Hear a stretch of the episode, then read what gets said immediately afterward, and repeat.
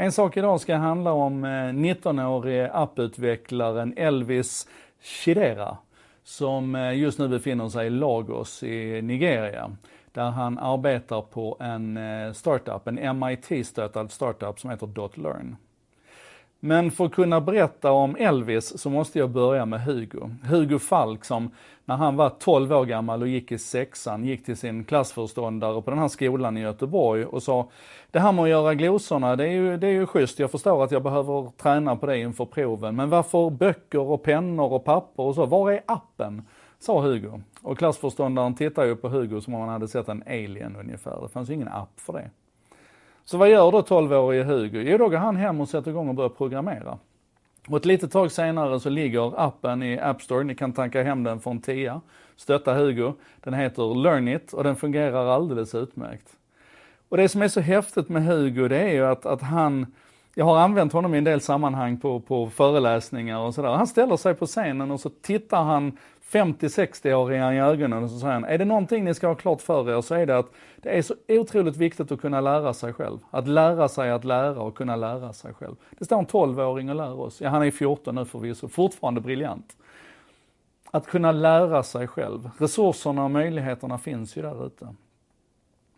Sen hoppar vi lite grann till en, en annan berättelse. Det här är Gunilla Källenius heter hon. Hon är forskare på TBC, HIV, malaria, och har jobbat jättelänge i Afrika. Jag ska citera henne ordagrant. Hon sa så här, för 20 år sedan så var de flesta universitetsbibliotek i Afrika en illustration i svårigheten att bedriva forskning i fattiga länder. Gamla nötta läroböcker, ett fåtal vetenskapliga tidskrifter. Idag Ja, det är fortfarande tomt på hyllorna. Men datorer och starka nätverksuppkopplingar och de flesta tidskrifter är open access och lägg till det hemsidor och chattsidor och dropboxar och vanlig e-post för internationella samarbeten så är ingenting längre omöjligt. Och det är ju ett fantastiskt perspektiv på vad internet har gett oss. Alltså tidigare var det ju så att om du skulle forska eller du skulle lära dig en spetskompetens så var du ju tvungen att befinna dig på Harvard eller Stanford. För det var där alla böckerna fanns, det var där alla de smarta professorerna fanns, det var där nätverken och kontakterna fanns. Och även om inte internet är liksom en exakt kopia av den fysiska världen, så finns ju egentligen allt det där tillgängligt idag. I Facebookgrupper som jag har puffat för den för, digital samhällskunskap. Vill du lära dig någonting om internet av idag, så kan du hänga i den gruppen där de vassaste och smartaste tänkarna i den här frågan finns idag. Och det spelar ingen roll om du sitter i en liten hydda utanför Kivik, eller om du är mitt i pulserande Stockholm, för du har samma tillgänglighet till den gruppen. Och samma sak med vad Google har gjort med tillgång till all världens information och så vidare. Och kombinerar vi då Hugo och kunna lära sig själv med det som Gunilla berättar om Afrika och hur vi idag i, i de, de fattigare delarna av världen, i de som traditionellt sett har stått utanför alla möjligheter att komma framåt i kedjan. Kombinerar vi de två rörelserna, ja då landar vi ju i Elvis Chidera. Elvis var alltså 11 år när han fick upp ögonen för att börja programmera, men det tog många år innan han hade en dator överhuvudtaget.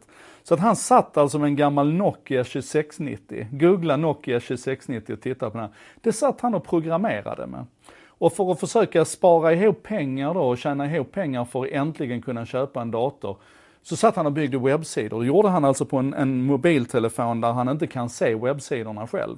Så via Facebook-vänner så fick han låta dem gå in och titta på sidorna och buggrapportera tillbaka till honom och så programmerade han vidare.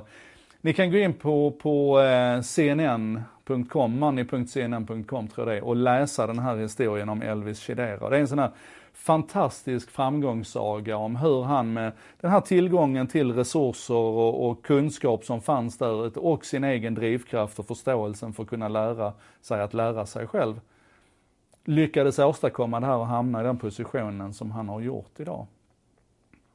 Och jag tror att vad vi behöver klura på är att när vi nu liksom på allvar börjar koppla upp den här sista tredjedelen av jordens befolkning, de som inte tidigare har varit uppkopplade. Och vi hittar en massa sådana här resursfulla och, och entreprenöriella människor som Elvis Chidera och, och vad det kommer att betyda för oss. Vilka möjligheter och utmaningar betyder det för oss som idag har suttit och, och lite grann i kraft av vår position i världen varit lite skyddade och haft det väldigt väl förspänt. Å ena sidan kan ju möjligheterna vara att vi får en större marknad, att vi får fler vänner och så. Å andra sidan så ökar ju risken att du blir konkurrensutsatt. Alldeles oavsett vilket, det här händer och det här behöver vi fundera på. Världen blir bara mindre och mindre och mindre och de traditionella geografiska skillnaderna som säkrade maktbalansen går sönder. Tack för det internet, och det menar jag.